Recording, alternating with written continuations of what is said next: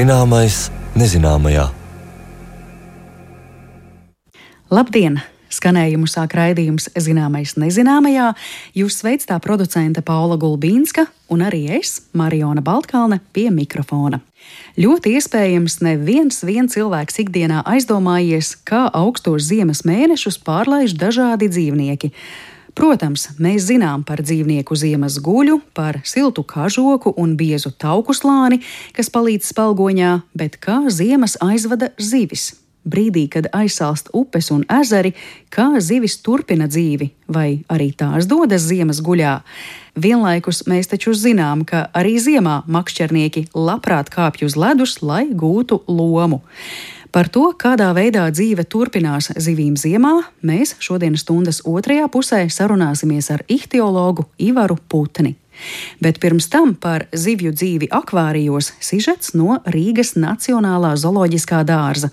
Tur mana kolēģe Zane Lāce Baltāksne noskaidros, vai visas zivju sugas var turēt akvārijos, kas raksturīgs akvāriju zivīm un kas notiek, ja mūsu ezeros mītošo asari ielaiž pie akvārija cihlīdām. Ekspedīcija ar lāci. Pirmklasīga virtuve un bufete ar iekš- un ārzemju dzērieniem. Katru svētdienu pēcpusdienas tēja ar pilnu programmu, dinējām un viesībām speciālas telpas, salona orķestra koncerti, radiokoncerti, ik vakarus kabarē programma. Tādi sludinājumi bija lasāmi starpkaru Latvijas laikā par vienu konkrētu izklaides vietu. Jautāsit, kāds tam sakars ar akvāriju zivīm? Ļoti tieši, ja runājam par Rīgas Nacionālo zooloģisko dārzu. Zaļganajā ēkā ar sīkrušu logiem, kur tagad atrodas akvārijas, sākotnēji atradās zooloģiskā dārza restorāns. Par to stāsta Rīgas Nacionālā zooloģiskā dārza speciālists Māris Lielkalns. Pirmais publiskais akvārijas principā parādījās 1849. gadā Londonas zooloģiskajā dārzā, un savukārt Rīgas zoodārzā akvārijas parādījās 1948. gadā. Tātad kopš tā laika akvārijas ir šeit, zoodārzā. Mēs šobrīd, starp citu, atrodamies ne tikai akvārijā saimniecības daļā, bet arī bijušajā Zodārza restorānā, kurš celts 1912. Tas ir tas pats Tīma restorāns, kuru zinu un pazīst eh, vizuāli no pareizās puses, no, no tās uh, oficiālās ieejas. Bet uh, jā, tātad vienā spārnā atrodas akvārijas. Un pirmsākumos, tajā 48. gadā, liela uzmanība tika veltīta tieši Latvijas vietējām sugām, Latvijas vietējām zivīm. Te bija gan, protams, eksotiskās zivis, gan arī Latvijas vietējās saldūdens zivis. Agrāk viņu arī dēvēja par augstūdens akvāriju, jo Latvijas ūdeņu iemītniecēm vajadzīga tomēr zemāka temperatūra nekā šiem tropiskajām zivīm. Tāds vēsturisks sansolis saistībā ar mūsu zoodārza akvāriju telpām, bet turpinot par akvāriju vēsturi, ir jāmin 1850. gads, kad angļu ķīmiķis Roberts Warringtons izstrādāja akvāriju principu, paskaidrojot, ka augi, kas pievienoti ūdenstraukā, izdala pietiekami daudz skābekļa, lai tur turētu dzīvniekus, ja vien dzīvnieku skaits nav pārāk liels. Pāris gadus vēlāk Londonas zoodārzā tika atklāts pirmais publiskais akvārijs un publicēta pirmā rokas grāmata zivju turētājiem ar nosaukumu Akvārijas dziļjūras brīnumu atklāšana. Taču zivju turēšanai norobežotā vidē cilvēku priekam ir krietni senākas saknes. Par to mūsu zooloģiskā dārza akvārija teritorijā starp barbēm, ciklīdām, molinēzijām, pirājām, līņiem, grunduļiem un vēl citām kopumā 70 sugu zivīm stāsta Māris Lielkalns un Rīgas Nacionālā zooloģiskā dārza zooloģe Margarita Jegorova. Pirmie mēģinājumi turēt zivis dažādās nebrīvas baseinos datēti tiek ar 4500 gadus seniem datiem. Ķīna, Japāna, Austrumi, tā kā no turienes. Bet, nu, sākumā, protams, ir baseini, nevis akvārija, un tur tajos baseinos ir tā skatīšanās no augšas.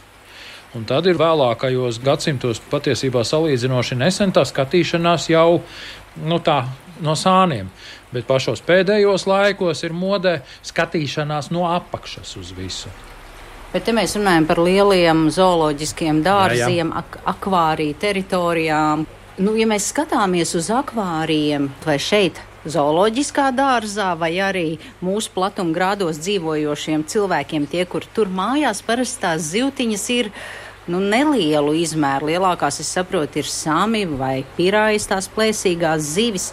Vai vispār un kad tika selekcionēts īpašas akvārijas zivju šķirnes, vai tādas nav, jebkuru zivi var turēt?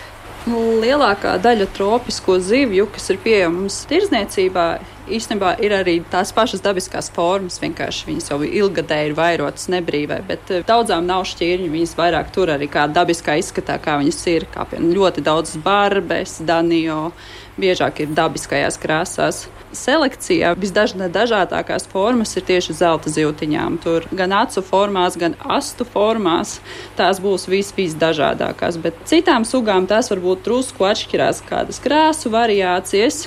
Varbūt eh, pagarinātas spuras, bet tā kā ļoti daudz šķirnes, ļoti daudzām tropiskajām zīltiņām nav.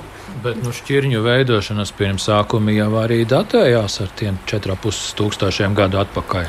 Jo, jo Pirmām kārtām tās pašas kojas, karpas, kuras ir ļoti krāšņas, krāsainas un tam līdzīgi. Nu, šķirnes sāka veidot jau selekciju, nodarboties jau sāk tajos laikos. Arī tās pašas zelta zīltiņas. Tā kā bija tā skatīšanās no augšas, tad arī, protams, ka tika sākumā veidotas tādas šķirnes, kuras būtu ļoti skaistas, dekoratīvas, krāšņas, no augšas skatoties. Gan tur ir krāsas, gan arī milzīgas izvalbītas acis. Ir. Tā tās jau būtībā ir formas, kuras jau tajos laikos sāka veidot. Tātad šīm akvārijas zivīm selekcionētajām tās izvalpītās acis ir nevis tāpēc, lai saredzētu ienaidnieku, atrastu barību, bet lai nu, būtu vizuāli e, interesanti skatīties cilvēkiem. Es pareizi saprotu. Tātad. Jā, tur ir leģenda par to, lai tās zelta zīltiņas ar tām lielajām acīm skatītos uz imperatoru. Kaut kā tā tur tas stāsts bija. Un mēs runājam par Ķīnu, Japānu, jā, jā. par Austrāliju. Kā, dīķa zīltiņām. Jā. Bet skatot uz uh, tagadējām akvāriju zivīm, zivis dabiskā vidē dzīvo upes, ezeri, jūras, okeāni, dīķi. Un, kas saprot, nu, mazākais akvārijas ir tādas stikla, tādas bumbas, burciņas, tur litru ūdens, tur mēs ielaižam vienu zelta zīltiņu. Pavisam mazos akvārijos es neieteiktu nevienam turēt zīltiņas. Daudz ko nosaka pats akvārija lielums, kas ir izvēlēts. Tā, tā kā formula, kas eksistē, pēc kuras var vadīties, ir centimetrs zīltiņas uz litru ūdens. Un tad tur vienkārši attiecīgi arī izrēķina cik tajā konkrētā tilpumā centimetru zīltiņu var turēt, un tad attiecīgi sarēķināt, vai nu būs nezinu, 20 litru akvārijā.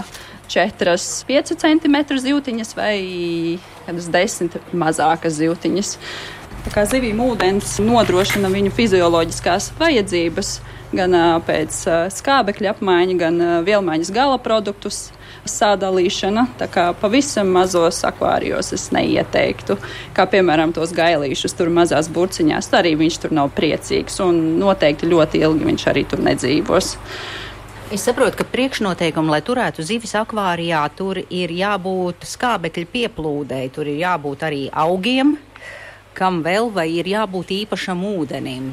Vajag, lai ūdens tajā akvārijā tomēr kaut cik kustās, lai ir tā ūdens apmaiņa, tā kā ūdens no apakšējiem slāņiem apmainās ar ūdeni, kas ir tuvāk virskārtai, lai tā gaisa apmaiņa būtu laba un zivis varētu elpot.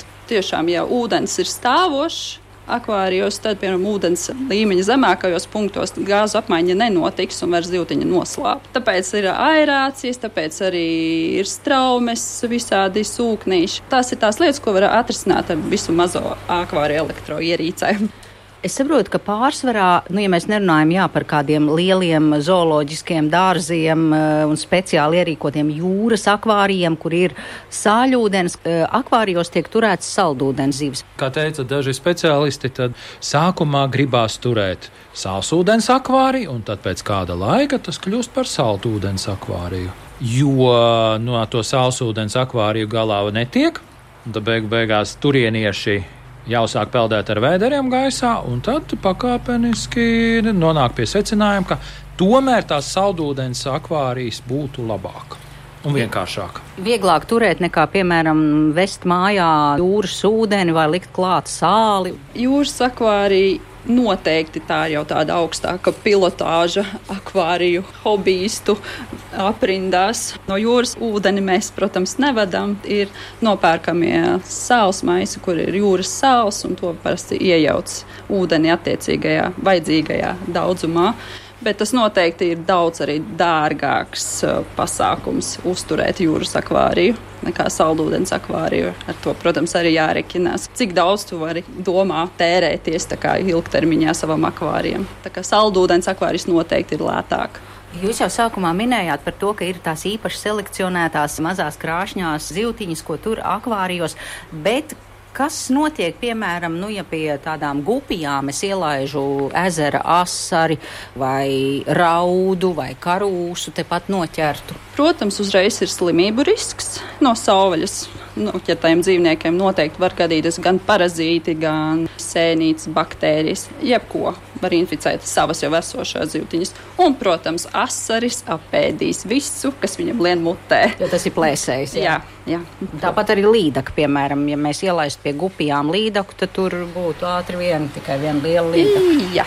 Bet pēc tam diez vai tā līdaka pati justos tur tīri labi, jo tad gupijām parasti tā temperatūra akvārijā ir krietni augstāka nekā patīk līdakai. Tas arī. Vai tas arī izskaidro to, ka mājās mums ir nu, tās siltiņas, jā, kas ir eh, no tādām no siltūdeņiem? Nu, jā, kāpēc neviens mājās netur eh, reņģes, līdakas, turam? Turam. Jā, turam. Sami ir, bet tās Leduskapī. ir. Atkal...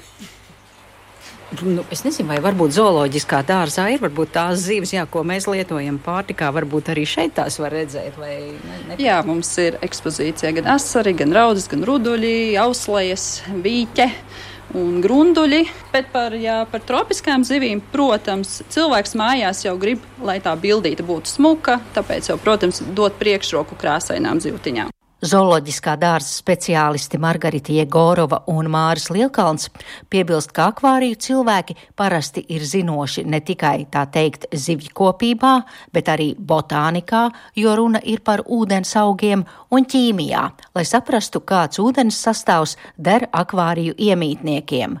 Un viņi arī atgādina, ka zivis izjūt stresu, tāpēc zooloģiskajā dārzā akvāriji ir lielāki ne tikai, lai zivis tur labi justos savā starpā, bet varētu attālināties un paslēpties no uzmācīgiem bungotājiem.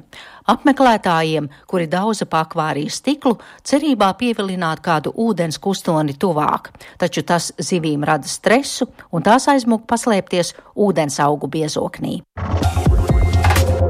Zināmais nezināmajā. Tik tālu par akvārija zivīm un to, kāda ir dzīves specifika zivīm šādos apstākļos. Par sagatavoto materiālu paldies Zanai Lācei Baltāksnei. Dodamies tālāk un turpmākajā raidījuma daļā iepazīsim zivju dzīvi ziemā un to spēju pielāgoties zemām temperatūrām. Tiekamies pēc brīža!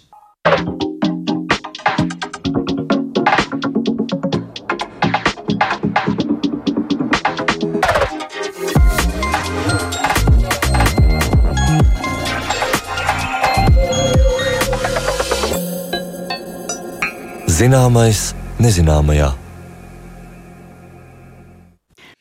Ziema ir grūts laiks daudziem dzīvniekiem, tostarp arī tiem, kas savu dzīvi aizvada ūdenī. Neskatoties uz augstumu, skābekļa badu un barības trūkumu, zivis mūsu platuma grādos ir pielāgojušās apstākļiem aizsalstošos dīķos un ezeros. Kāda tad ir zivju dzīve gada augstajā un klusajā sezonā Latvijas saldūdeņos un jūrā?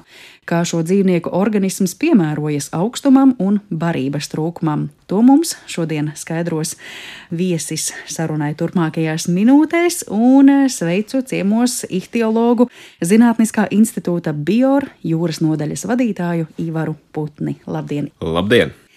Par zivīm ziemā visbiežāk laikam domā blitkotāji, kuri kāpj uz ledus. Tos mēs arī manām Latvijā, Rīgā gana daudz. Vai jums pašam, Ivar, kādreiz ir radusies vēlme izmēģināt zivju makšķerēšanu ziemā? Nu, jāsaka tā, ka es arī laikam esmu pieskaitāms tam trako, vai kā mēs varam nosaukt pulkam, kas iespēja robežās regulāri cenšas apmeklēt ūdens tilpas arī ziemā, un arī man tas nosaukums gan reizēm mulsina zemledus makšķernieki, jo pārsvarā mēs pa ledus virsmu mēģinam mm. Bet jā, jā, neapšaubām, es esmu makšķernieks un arī ziemā to daru. Bet eh, cik, eh, tā, nu, jēgpilni to var darīt tieši ziemā? Tas ir labāk ziemā vai vienkārši, nu, tas ir cits veids, kā makšķerēt? Nu, tas ir, protams, cits veids, kā makšķerēt, un makšķerniekam jau nekad mājās nesēžās, un faktiski visās sezonās ir vēlme doties pie dabas, vēlme baudīt dabu, baudīt klusumu.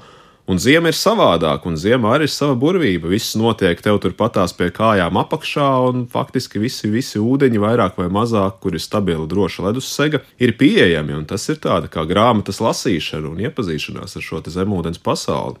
Visai daudz mēs dzirdam arī tos eh, skarbos stāstus, tad droši vien tie ir vienkārši drošības pasākumi, kas ir jāievēro un kurus cilvēki ievēro pārāk maz, ņemot vērā, ka ir šie noslīkšanas gadījumi, ielūšanas ledū gadījumi. Nē, nu, protams, un šādi nelaimes gadījumi tā jau nav tikai ziema, tās ir visas sezonas, gan vasara, gan rudens, gan pavasaris. Nu, tur mēs nevaram nodalīt. Un ziema, protams, nu, varbūt tie stāsti ir tādi kliedzošāki, un arī jāsaprot, ka arī nu, no šīs ledus segas veidošanās viedokļa, nu, ne visur tā ledus sega veidojās vienlaicīgi vietām viņi ir plānāka, vietām viņi ir biezāka, un eh, reizēm cilvēkiem nu, rodās mānīgs priekšstats par šo ledus drošumu. Kādreiz kāds vēl sasildās iekšēji ar kādu stiprāku dzērienu, un, protams, nu, ka tie nelaimes gadījumi nu, bez tiem neizbēgs. Un, nu, tas notiks pret to lielo cilvēku skaitu, kas to dara, starp citu. Jā, nu. Mhm. Latvijā daudz jūsu domu biedru ir. Jā, o, jā es šorīt braucot vienu juglas, juglas maliņā novēroju, kurš šī slavenā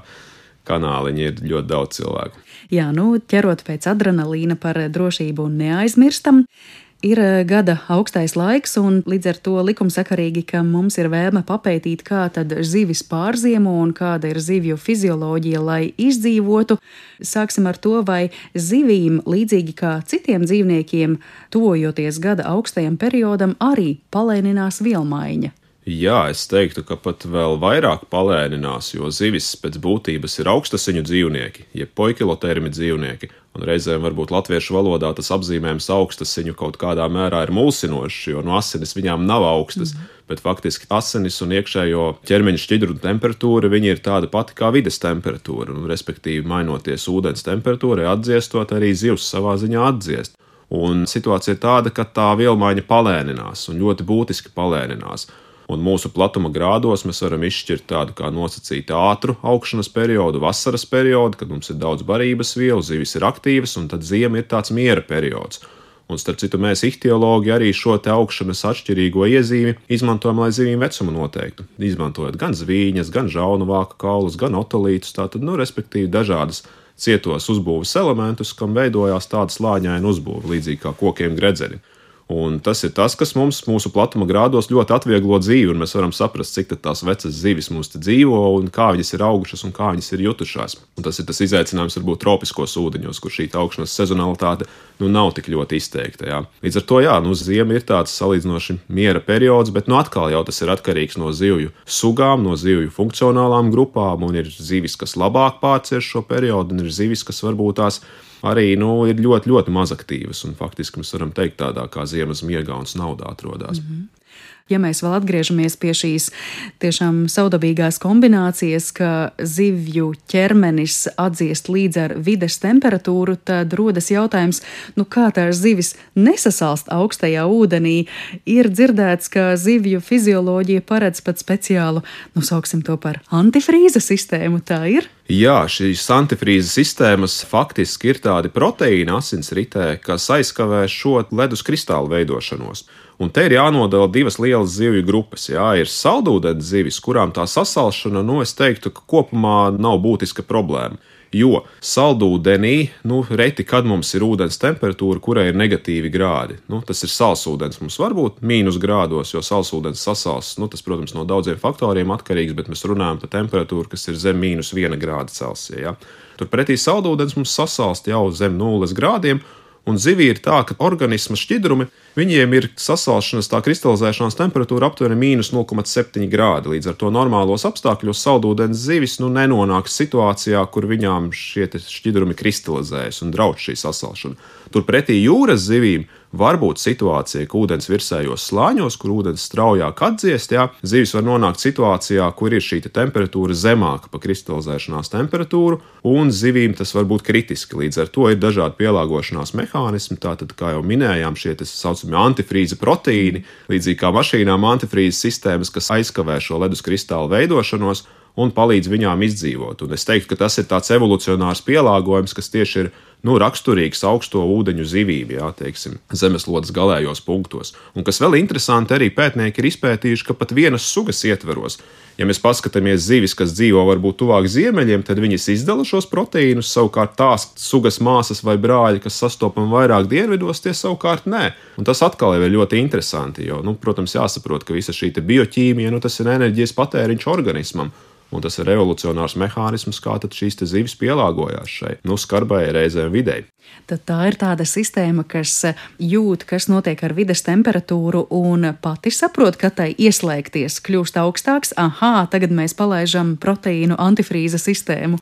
Nu jā, mēs varam teikt, ka tā sistēma darbojās autonomi, tāpat kā arī daudzas citas sistēmas. Jā, un vēl zivīm arī ir ļoti efektīva šī elpošana caur žaunu lapiņām, un ja mēs paskatāmies uz to orgānu, viņam ir fantastiski liels šis virsmas segums, un tas nozīmē arī, ka nonākot zivī augstā ūdens vidē, tās asinis arī ļoti strauji atdzesējās caur šo žaunu struktūru, caur šo ātru elpošanu. Un, Jā, līdz ar to zivis, nu, es domāju, ka pašas viņas neko neregulē, viņas ļaujas plūsmai, ļaujas uh, ūdens masas kustībai, un savā ziņā kaut kādā mērā viņas mēģina pielāgoties un meklēt šīs vietas ūdens tilpēs, kur ir varbūt šie apstākļi optimāli viņu attīstībai un dzīvesveidam dotajā sezonā. Mm. Mazliet atkāpjoties no ziemas un mūsu vides apstākļiem, jūs pieminējāt arī tropiskos ūdeņus, vai tur notiek pretējais efekts, vai tur arī ir kaut kāds bioķīmisks pielāgojums, lai dzīvotu, piemēram, ļoti siltos, pat karstos ūdeņos? O, jā. Zivīm mēs faktiski varam nodalīt, ir tādas, nu, pa termāliem logiem vai temperatūras preferencēm to sauc, bet ir kaut kādi vides apstākļi, kas katrai sugai ir optimāli. Jā, ir kaut kāda optimālā temperatūra, un tad ir tās galējās robežas. Un galējā robeža ir gan zema temperatūra, gan arī augsta temperatūra. Un skaidrs, ka šīs tropu zivis spēj tolerēt no augstākas ūdens temperatūras. Savukārt, nonākot vidē, kur ūdens temperatūras ir zemas, nu daudzas viņas nespēja pielāgoties un nespēja izdzīvot. Un vēl viens arī tāds interesants paradoks, kas ir novērots arī teiksim, augstākos ūdeņos. Nu, mums ir dažādas šīs te varbūt fabrikas, kaut kādas ražošanas sistēmas, kurās tiek izmantots nu, no dabas ņemts ūdens, ko tiek dzēsētas iekārtas, un šis ūdens pēc tam tiek palaists vidē, viņš ir siltāks. Un parasti tie ir tādi karstie punkti, hotspoti, kur zivis koncentrējās, viņas labi aug, labi barojās. Un tad ir novērots, ja pēkšņi šo dzēsēšanas ūdeni aptur, un zivis nonāk tā kā ierastā augsta ūdens vidē, viņas var ļoti strauji iet bojā dēļ šīs krasās ūdens temperatūras atšķirības. Jo ūdens jau savā ziņā ir tāds nu, ļoti liels buferis. Jā, mēs te gaisa temperatūru mums var nostaigāt pa 20 grādiem, kā mums te notika pāris nedēļas atpakaļ, un ūdenī nekad tas tā nenotiek. Ūdenī tas viss ir izlīdzinās un pakāpeniski, un ja nonāk zivis situācijā, kur strauji mainās šie parametri, tas var būt arī letāli. Bet, jā, nu, atbildot uz jautājumu jūsu, arī šī augšējā ūdens temperatūras robeža var būt letāla, un tur ir zivis, kas labāk un sliktāk pielāgojas. Arī mūsu pašu Baltijas jūrā mums ir atsevišķas sugas, kas ir tā saucamās augstūdens sugas, kas ļoti slikti pacieš ūdens temperatūru, kas ir teiksim, virs 15 grādiem, nu, kas nemaz tik silts ūdens arī nav. Atgriežoties pie augstuma grādiem un eh, nosalšanu, vai drīzāk nenosalšanu, ja, piemēram, rodas tāda situācija, ka zivs uzpeld āliņa virspusē, nu, tas būtu zemledus makšķernieku jeb blitkotāju prieks, ja, bet kā ar zivīm, vai tā nenosalst tajā brīdī, jo gaiss taču ir sanāk augstāks nekā ūdens. Savā ziņā jā, bet nu, jāsaprot, tā zivs jau nelien ārā no ūdens, un viņa atrodas ūdenī. Un, ja tas ūdens ir šķidrā veidā, nu, tad uh, viņš nav zemāks par nulles temperatūru. Un, kā jau iepriekš minēju, nu, tā kritiskā kristalizēšanās temperatūra ir kāda 0,7 grādi aptuveni. Nu, tā vidēji sakot, jā, līdz ar to tas zivīm vairumā gadījumu nav kritiski. Bet kritiski ir tas, ka, ja viņa ziemā ir uzpeldējusi tur augšā, tad viņa slikti jūtās. Un, protams, ka viņa jūt šo ūdens temperatūras atšķirību, bet tā vajadzība pēc skābekļa, vajadzība pēc elpošanas ir, protams, nu, lielāka šajā situācijā. Un kopumā ņemot, nu, ar lielu varbūtību šis dzīvnieks var neizdzīvot un iet bojā, ja jau viņš tā reiz uzvedās un cenšas tiekties pēc šīs skābekļa. Jūs, eh, Ivar, arī minējāt vienā brīdī, ka ir zivis, kuras te jau dodas eh, ziemas guļā. Kā tas īsti notiek? Kur tā ziemas guļa notiek? Vienkārši peldot brīvi ūdenī, vai kaut kur tomēr dziļāk pie grunts atrodoties, gruntī, zālēs? Nu, jā, nu, zivis tomēr jūt to apkārtējo ūdens temperatūru un apkārtējo vides stāvokli, un kopumā ņemot eh, vairumā gadījumu ziemas periodā zivis meklē siltāku ūdeni. Jā, un siltāks ūdens ir tātad ūdens krātuvi dziļākās vietās, vietās, kur varbūt ir skābekļa režīms labvēlīgāks, bet zivis savā ziņā meklē labāko dzīves vidi, kāda tajā sezonā ir pieejama. Līdz ar to bieži vien ūdens tilpēs var novērot kaut kādas, teiksim, nu, saldūdeņos ezeros. Tas ir raksturīgs, ka kaut kādos padziļinājumos, bedrēs ir šīs ziemojošo zivju koncentrācijas. Un nereti šīs ir tās vietas, ko arī plaši makšķernieki apmeklē un ir atklājuši un cenšas tās zivis tur noķert. Jā, bet nu, tā ir, protams, nu, labākā vide, kur tā zivs tajā brīdī var uzturēties. Pa pielāgojumiem runājot, ir vairākas sugas, arī mūsu platuma grādiem raksturīgas sugas, kas, teiksim, situācijā, ka šis skābekļa saturs ūdenī samazinās, Viņas peld uz ūdens virsējiem slāņiem un cenšas arī nu, uztvert to skābekli, kas ir zem ledus. Jo ledum sasalstot, veidojās tādi kā skābekļa burbulīši. Mēs reizēm redzam, ka viņi ir iesaluši ledū, bet reizēm šie skābekļa mazie gāzes burbulīši tiek izspiesti zem ledus. Un ir sugas, kas mēģina arī viņus ieelpot, norīt un uztvert šo minimālo skābekli, kas tur ir apakšā. Jā. Bet tad mēs vispār varam iedomāties ziemas guļā devušo zivi, kas labi būtu atradusi pēc iespējas siltāku vietu, bet vienkārši nekustētos, vai zivs vispār var nekustēties, būdama ziemas guļā. Jā, un tā ļoti bieži arī notiek, ka zivs faktiski ir miera stāvoklī, uzturās piegrunts tūmā, un visi šie vielmaiņas procesi, elpošana ir ļoti palēnināta, sirdsdarbība ir palēnināta, un zivs faktiski pārtiek no organisma iekšējām rezervēm, kas ir uzkrātas. Jā. Un tad atkal, teiksim, nu, vairāk es ar jūras zivīm esmu strādājis, un jūrā tā barošanās arī ziemā notiek atsevišķām sugām, pat es teiktu, diezgan intensīvi. Bet mēs varam redzēt to, ka pie ilgstošām ziemām zivs var zaudēt savu ķermeņa masu, respektīvi zaudēt šīs uzņemtās barības vielas. Un te atkal jau nu, ir no svara šis ziemas garums un šis miera perioda garums. Bet nu, tas jau nav nekas neraksturīgs. Tas ir mūsu platuma grādiem. Tās sugas ir adaptējušās šādiem temperatūras mainīgiem režīmiem. Ja? Un, protams, mēs varam runāt par kaut kādiem ekstremālākiem gadiem, kad šīs ziemas ir garākas, iespējams, ledussega izveidojas ātrāk, un tad jau mēs arī varam nereti novērot kaut kādu sugu bojāju. Jā, un ir zivis, kas ir teiksim, nu, mazāk izturīgas pret šiem ziemas apstākļiem. Ļoti interesanti iedomāties tādu zivi, kura tiešām līdzīgi kā liels lācis aiziet ziemas guļā, arī tā kaut kur ūdenī atrodas, nu, tādā guļas stāvoklī. Jā, bet nu, tas nav absolūti. Es arī teiktu, nu, tas nav tā, ka tagad ir klikšķīts un viņas mm. visu ziemu tagad gulēs. Tāpat tās jā. kaut kāda aktivitātes periodi.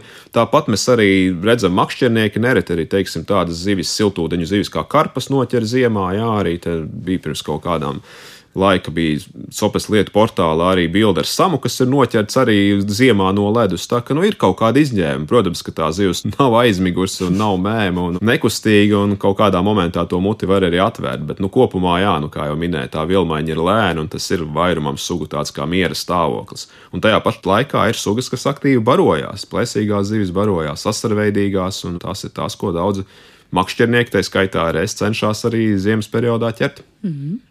Tad eh, par tiem apstākļiem, kas zivju dzīvi ziemā ietekmē, nu, konkrēti saldūdeņos, kas tām visvairāk skar šo labsajūtu, tas primāri būtu ledus biezums, vai tur vēl nāk klāt citi faktori? Nu, tas ir faktoru komplekss. Mm. Jā, nu, jāsaprot, kas notiek zem ūdens. Nu, pamatā rudens sezonā notiek ūdens tāda kā samaisīšanās, kad mums paliek augstākas naktis, jā, arī augstākas dienas, ūdens virsējie slāņi atdziest. Un ūdenim atdziestot, viņš paliek tā kā blīvāks, smagāks, jā, un tas blīvākais ūdens grimst. Un atkal tas ūdens, kas atrodas dziļāk, tiek uzspiests augšā, un ūdens tā kā vertikāli apmaisās, pakāpeniski atdziest. Jā. Jo seklāks tas ezers vai dīķis, jo ātrāk notiek šī apmaisīšanās. Un te ir interesanti, ka saldūdens visblīvākais ir 4 grādu temperatūrā. Līdz ar to pie 4 grādiem viņš ir vissmagākais, un parasti piegrunts slānī aptuveni ap 4 grādiem tā temperatūra ir novērojama. Ja? Un tajā momentā, kad mums sāk veidoties ledus sega, tad uzreiz notiek dažādi bioloģiskie procesi. Jā. Pirmkārt, jau ledus sega aptur jebkāda veida fotosintēzi. Jā, ja tīpaši jau uz ledus virsū ir sniegs, tad nu, apakšā ir tumsas apstākļi. Un, nu, tā jau mūsu platuma grādos daudz auga atmirst, un tie, kas ir palikuši, nu, pakāpeniski arī to fotosintēzes procesu beidz. Līdz ar to tas ūdens tiek noslēgts. Kas vēl notiek? Vēl šis skābeklis, kas, teiksim, rudenī ar kaut kādiem vējiem, kas iemaisās no ūdens virsējiem slāņiem, tas viss process beidzās. Un tas skābeklis, kas ir tajā sistēmā, nu, tas tad arī tagad paliek. Un tad ir jautājums, jā, nu, cik ātri viņš tiek patērēts, un cik ātri jā, nu, paliek kaut kādi apstākļi, kad ir šis skābekļa bats, ir deficīts. Jā, tas ir biežāk novērojams ūdens tilpēs, kas ir seklas, zāļainas, eitrofas, bagātas ar barības vielām, nu, respektīvi, kur ir daudz organikas, un arī kur ir daudz dzīvnieku, es teiktu, arī zivis tā skaitā, kas elpo patērē šo skābekli arī pat šajā miera periodā. Jā. Un tajā momentā, jā, varbūt situācija dabā, kad ziemas, teiksim, nu, jau vidū vai otrajā pusē ir šī ledus sega ilgstoša, tad veidojās šie samazināti skābekļa apstākļi un zivis sāk slāpt, jā, un var iet bojā liela populācijas daļa. Un atkal jau tur atšķirās jutības starp sugām. Ir sugas, kas ir jutīgākas pret šādiem apstākļiem, ir sugas, kas varbūt ir tolerantākas, nu, ļoti labi ziemu panes, teiksim, līņa karūsas, bet tajā pašā laikā ir virkne citu sugu, kas ātri iet bojā. Jā, un, nu, te mēs runājam par kaut kādām siltūdens sugām. Nu, tie paši sami noteiktos apstākļos var neizdzīvot, jā, un samam vispār jau nu, Latvija, Igaunija, tas ir ziemeļu izplatības areāla robeža, jā, un, un tās ir tās sugas, kas varbūt sliktāk pielāgojās. Jā. Un arī jāsaprot, ka ledus sega viņa faktiski arī noslēdz jebkādu gāzu apmaiņu no paša ezera, no ūdens tilpes, jo nu, veidojās gan šī ogliskābā gāze, gan metāns, gan atsevišķos gadījumos sērūdeņradis, kas vienkārši nevar izplūst atmosfērā un paliek tajā sistēmā. Līdz ar to tas ūdens savā ziņā tāds diezgan toksisku nokrāsu var iegūt. Un tas ir kaut kas tāds, arī, ko es atceros no savas bērnības laukos, teiksim, tādos mazos dīķīšos izurbjot tāliņģi, jā, ar urbi vai uztaisot lielāku caurumu, tas ūdens ir zem spiediena, un tad, kad viņš nāk virsū, tad tā smarža ir tāda ļoti nu, nepatīkama, jā, respektīvi, nu, viņš smird. Jo jāsaprot, ka tās zāles, visa organika, kas ir, visi jau mikrobioloģiskie procesi notiek. Nu, zāles sadalās, un visā tajā procesā tiek patērēts skābeklis. Tas ir tas jā, skābekļa lielākais zudums. Līdz ar to ir gadi, kad teiksim, nu, noteiktās ūdens tilpēs liela daļa no zivīm tieši var iet bojā šādos mm. apstākļos. Jā, un parasti jutīgākās ir liela izmēra zivis, tās, kas makšķerniekiem skaitās trofeja zivis, jo tādām zivīm arī ir nu, paaugstināts prasības pret skābekli. Jā, tai organismu elpošanai vairāk šo skābekli vajag, un tās parasti ir pirmās, kas iet bojā. Un parasti jau šo bojā gājušo zivju apjomu var ieraudzīt pavasarī, kad ledus nokūst un tā zivis pelta pa virsmu. Mm.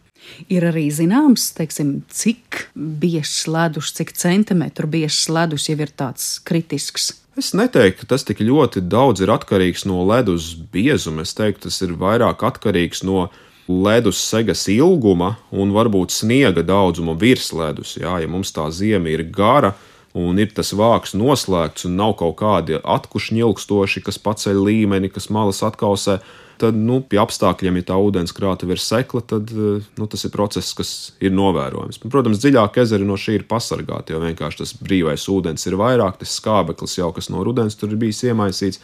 Ir vairāk, un tīri tajā nu, pūšanas procesā viņš netiek patērēts. Jā. Tas ir apstākļu kombinācija mm. starp tiem bioloģiskiem procesiem, kas notiek ūdenī, un starp to ziemas ilgumu, kas mm. arī nosaka to, vai šīs bojājai būs novērota vai nē. Bet tas secinājums ir tāds, ka tas ir mūsu platuma grādos dabisks process, un šīs ūdens tilpas samērā ātri var atjaunoties pēc tam, jā, un viss ir kārtībā. Ir kaut kādi šie gadi, kas savā ziņā mēs arī varam uztvert, ka tas ir nu, nereti kā arī tāds pašregulācijas mehānisms. Nu, ir nereti šīs karpveidīgās sugas, kas ir savairojušās, kas ir daudz lēnaudzīgas šādās ūdens tilpēs.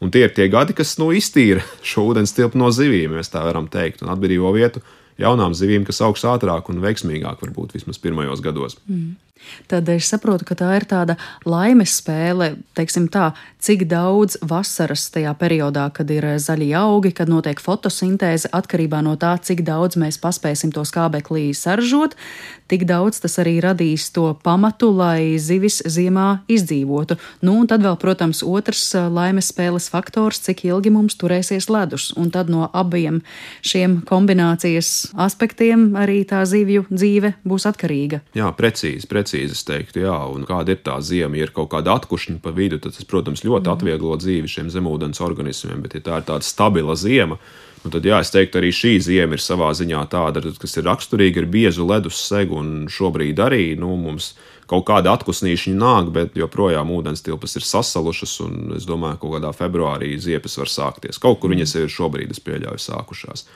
tie atkusnīši, tā ir vienīgā cerība tikt pie skābekļa ziemā. Jā, nu, jautājums, cik tas ir atpūsnis, ir ilgstošs, nu, vai atkūst malus, nu, vai tiek pacelts ūdens līmenis. Jo paceļoties līmenim, sanāk tā, ka no visām malām skābeklis tiek klāts un kaut kas ieplūst. Bet jāsaprot arī, lai to skābekļa režīmu atjaunotu, nu, bieži vien ar šo pasīvo gāzu apmaiņu starp virsmu ir pamāzi. Jā, un, ja mēs gribam, varbūt mums ir kaut kāds piemājas dīķis, kur mēs gribam zivis saglabāt, nu, tad nereti ir nepieciešami kaut kādi aeratori, kaut kādas iekārtas, kas patstāvīgi uztur kaut kādu ūdens plūsmu, kas iesit šo skābekli ūdenī un kas arī nepieļauj ūdens tilpas aizsalšanu. Jā, līdz ar to nav tik vienkārši. Mm. Labi, tas par eh, saldūdens zivīm, bet eh, kā ar jūras zivīm? Nu, piemēram, laši, taimiņi, brētliņas, mencas, noteikti vēl citas sugas mēs varētu minēt. Piemēram, ziemas beigās mencām ir nārsts. Tas nozīmē, ka pa ziemu mencām ir nu, jāizdzīvo, jāturas, lai tad, kad ziema beidzas, tās varētu laist mazuļus pasaulē. Nu, tādā ziņā jūras zivīm es teiktu, tā dzīve ir nedaudz vieglāka. Jo, nu, ja mēs runājam par tādiem tipiskiem jūras apstākļiem, kur ir diezgan dziļi ūdeņi, tad eh, nu, tas ūdens jau neatdzies dziļajos slāņos. Nu, tā temperatūra saglabājas, vasarā atkal viņš neuzsilst. Un tā vide ir vairāk tāda nu, homogēna, viendabīga. Jā, līdz ar to tās sezonālās temperatūras svārstības nu, nav tik ļoti izteiktas. Jā un tās zivis savā ziņā labāk adaptējās varbūt šiem te temperatūras izmaiņām. Jā, nu, varbūt tās viņas nepeld tik daudz virsējos slāņos, kur ir vēsāks, uzturas dziļākos slāņos. Bet nu, atkal jau mums tā Baltijas jūra savā ziņā ir specifiska ar to, ka mums ir šīs bezskābekļa zonas, dziļākos ūdeņos trūks skābeklis. Līdz ar to zivīm tas izaicinājums daudzām sugām ir tas, ka no augšpuses, tā kā no virsējiem slāņiem, viņas cenšas izvairīties, jo tur ir vēss ūdens. Savukārt, stipri dziļos slāņos, nu, virs kaut kādiem 80 metriem, ir skābekļa bats. Līdz ar to veidojās tāds nosacīts šaurs ūdens slānis, nu, kas ir optimāls ziemošanas procesiem. Un par mēnesi jūs arī minējāt, ar mēnesi ir tā, ka vēsturiski, jā, mēnesām mūsu ūdeņos tas nārsta periods ir bijušas kaut kādas ziemas beigas, pavasara sezona, kaut kāds marts, aprīlis. Bet pēdējos gados, nu pat es teiktu, desmit gadēs, kopš šis mēnesu krājums ir pasliktinājies, mēs novērojam tādu efektu, ka tās mēnesis nārs to visu cauru gadu faktiski. Kāda daļa zivis nārs to arī citās sezonās, jā, un tas ir atkal interesanti, jau iespējams kaut kāds populācijas arī pielāgošanās mehānisms šiem mainīgiem vides apstākļiem. Mm. Lašiem atkal nārsts ir rudenī, un, piemēram, ja mēs paraudzītos uz eh, zīdītājiem, nu tad zīdītāji noteikti gada augstajos mēnešos nelaiž pasaulē mazuļus, jo mazuļi neizdzīvos, bet lūk, laši gan to spēj. Jā, nu lasis ir tāda tipiska augstūdens zivs, kas arī dod priekšroku zemākām ūdens temperatūrām un nārsto viņi rudenī, bet te ir atkal interesants tas efekts, ka rudenī pēc šī nārsta tie kāpuri jau neizšķiļās uzreiz rudenī, un ziemā tur nemēģina izdzīvot. Tie ikriņi faktiski visu ziemu arī attīstās, lēnām, lēnām attīstās šajā gruntī. un tā izšķelšanās ir pavasarī tikai. Jā. Līdz ar to te jau atkal var prātot, kāds ir tas evolucionārais pielāgošanās mehānisms. Iespējams, tas ir saistīts ar to, ka citām zivīm barošanās aktivitāte ir zemāka ziemas periodā, un gluži vienkārši barības ķēdē mazāk tie ikri tiek apēsti. Jā. Bet, nu, savā ziņā, jā, augstūdens sugām tas var būt optimālais scenārijs. Kas interesanti arī starp citu tām pašām reņģēm Baltijas jūrā, ko es esmu diezgan daudz pētījis ir tā, ka ir viena reņģu populācijas daļa, kas nārsto pavasarī. Vispār mūsu platuma grādos ir raksturīgs tas pavasara nārsts zivīm, tā kopumā ņemot, jo pavasarī tās sugas, kas iznārsto, pēc tam tiek kāpu trāpu uz barošanos nu, vasaras sākumā. Pavasara beigās, nu, kad ūdens uzsilst, ir augsta produkcija, ir laba barības bāze. Ja? Un reņģiem liela populācijas daļa nāš to arī tieši pavasarī, teiksim, maijā, jūnijā Latvijas piekrastē. Un tad ir maza populācijas daļa, kas nāks to rudenī, pieņemsim, oktobrī. Ja? Un vēsturiski viņas ir bijušas vairāk, pēdējos gados viņas samazinās, bet tas atkal jau savā ziņā ir bijis kaut kāds pretējs pielāgošanās mehānisms, kas arī ļauj izmantot arī šo gada vēso sezonu. Jo jūrā, teiksim, šīs barības vielas ir pieejamas arī ziemas sezonā. Ja? Varbūt, protams, tā kāpura attīstība un ikra attīstība ir lēnāka. Bet šis ir ļoti interesanti. Jā, es esmu daudz domājis par to, kāpēc pat vienas sugas ietvaros ir tādas dažādas stratēģijas izstrādājušās, kā pielāgoties šīm sezonālām temperatūrām. Un vēl par jūras zivīm runājot, mēs varam izdalīt tās sugas, kas uzturās piekrastē. Jā. Un te ir jāsaprot, ka piekraste mums ir nu, krasi mainīga. Mūsu Baltijas jūrā vasarā mēs dodamies peldēties, ūdens temperatūra nereti ir virs 20 grādiem, visi bauda šo jūras vidi, arī zīves tā skaitā un ziemās tas ūdens ļoti ātri atdziest, un tad tās piekrastes zivis lielākā daļa pārvietojas uz dziļākiem ūdeņiem un ziemo kaut kur 30, 40, 50 metru dziļumā, kur ūdens ir nosacīts siltāks un skābekļi arī šie apstākļi ir pagaidām labvēlīgi. Jā, līdz ar to arī notiek tāda sezonāla zivju pārvietošanās starp šiem slāņiem. Un tagad es iedomājos par eh, pēdējā laikā daudzkārt aprunātu tematu par to, ka golfa straume sāk mainīt savu virzienu, klimata pārmaiņu ietekmē, ledāji kūst, un līdz ar to liels saldūdens daudzums varētu ietekmēt, piemēram, arī Baltijas jūras teritoriju. Tas kritiski maina arī zivju dzīvi un zivju spēju pielāgoties ziemām. Es neteiktu tikai ziemām, es teiktu, ka tas maina ļoti daudzus bioloģiskos procesus, jo pamatā jau šīs lielās okeāna jūras traumas, viņu izmaiņu ietekmes rezultātā var mainīties arī kaut kādi kopumā klimata scenāriji, klimats kāds ir mūsu reģionā. Jā. Un šis nokrišņu pieaugums varbūt arī raksturīgs, kas ir vairāk mums šie nokrišņi rudens periodā, ziemas periodā, kas palielina upju notecis, kas palielina saldūdens ieplūdu un šo jūru nu, vēl vairāk atsāļo, jo Baltijas jūra mums ir tāda ļoti, ļoti specifiska dzīves vide. Jā. Un arī jāatzīst, ka tie nākotnes klimata scenāriji arī paredz to, ka šis sāļums turpinās samazināties un šī jūras vide būs aizvien nepiemērotāka kopumā tādām tipiskām jūras zivīm. Jā ja šobrīd mums, teiksim, daļa no sugām vēl salīdzinoši labi jūtās, tad nu, iepratim Latvijas ūdeņiem, starp Latviju un Gotlandi, tad nākotnē iespējams tam sugām labi apstākļi beigsies jau lejā pie Bornholmas salas. Jā. Nu, dzīvosim, redzēsim, bet arī pa Baltijas jūru var minēt tikai to, ka tā ir ļoti ekstremāla vide zivīm. Jo viens izaicinājums ir zemais ūdens sāļums, tā ir iesāļa jūra. Ne visas sugas labi var adaptēties šādai vidē. Jā. Nākamais izaicinājums ir šī ūdens temperatūra, kas mums mainās ļoti sezonāli. Ja mēs paņemam kaut to pašu Rīgas līci, jā, vasarā ļoti silts ūdens. Un ziemā Rīgas līcis ir tas, kas var diezgan izsalt, jā, un dažas sugas tam tikai spēj pielāgoties. Un trešais arī, protams, šie mainīgie skābekļa apstākļi, šīs bezskābekļa zonas. Līdz ar to nu, tās jūras zivis, kas šeit dzīvo, es teiktu, tie ir izdzīvošanas čempioni. Un eh, lielā mērā arī nu, viņas atrodas tādā kā nemitīgā stresā, ko rada šī nu, nestabilā vide. Un tas, ko efekts, ko mēs varam novērot, tas nav tikai zivīm, bet arī vispār jūras organismiem, ka viņi ir mazāki. Viņas izaug mazākas nekā Ziemeļjūra, Atlantijas okeānā, tās pašas sugas. Un arī iekšējos ūdeņos, es teiktu, arī tas ir tieši tas pats efekts. Ja mums ir šīs garās ziemas, garie miera periodi, tas vienkārši saīsina šo barošanās un ātrās augšanas periodu. Nu, kā rezultātā tās zivis neizaug varbūt tik lielas kā dienvidu zemēs, kaut gan sugas ir vienas un tās pašas. Mm. Nu, ko tiešām ļoti plaša un aizraujoša ir zivju dzīve, kā vasarā un tropos, tā arī ziemā un pie zemiem grādiem. Varu tikai vēlēt veiksmīgu zemledus makšķerēšanu, lai gan jūs teicāt, ka par šo jēdzienu var arī domas dalīties. Varbūt varat atklāt arī tādu pēdējo copes prieku, kas sagādāja gandarījumu. Nu, man jāatzīst, tas es šajā ziemā pat tā kārtīgi uz ledus neesmu uzkāpis pagaidām, un ir daudz darāmie darbi un viss kaut kas cits, bet es tiešām plānoju to izdarīt. Un varbūt teiksim, no copas priekiem runājot, vairāk atmiņā ir palikusi rudens sezona un lomi gaujā. Pēdējos gados dzīvoju Siguldā un esmu apguvis turienes ūdeņus, un gauja tādā ziņā ļoti dinamiska ūdens tece ar mainīgu zivju sabiedrību, un es teiktu, ka katrā sezonā tur ir ko darīt un ir interesanti. Jā.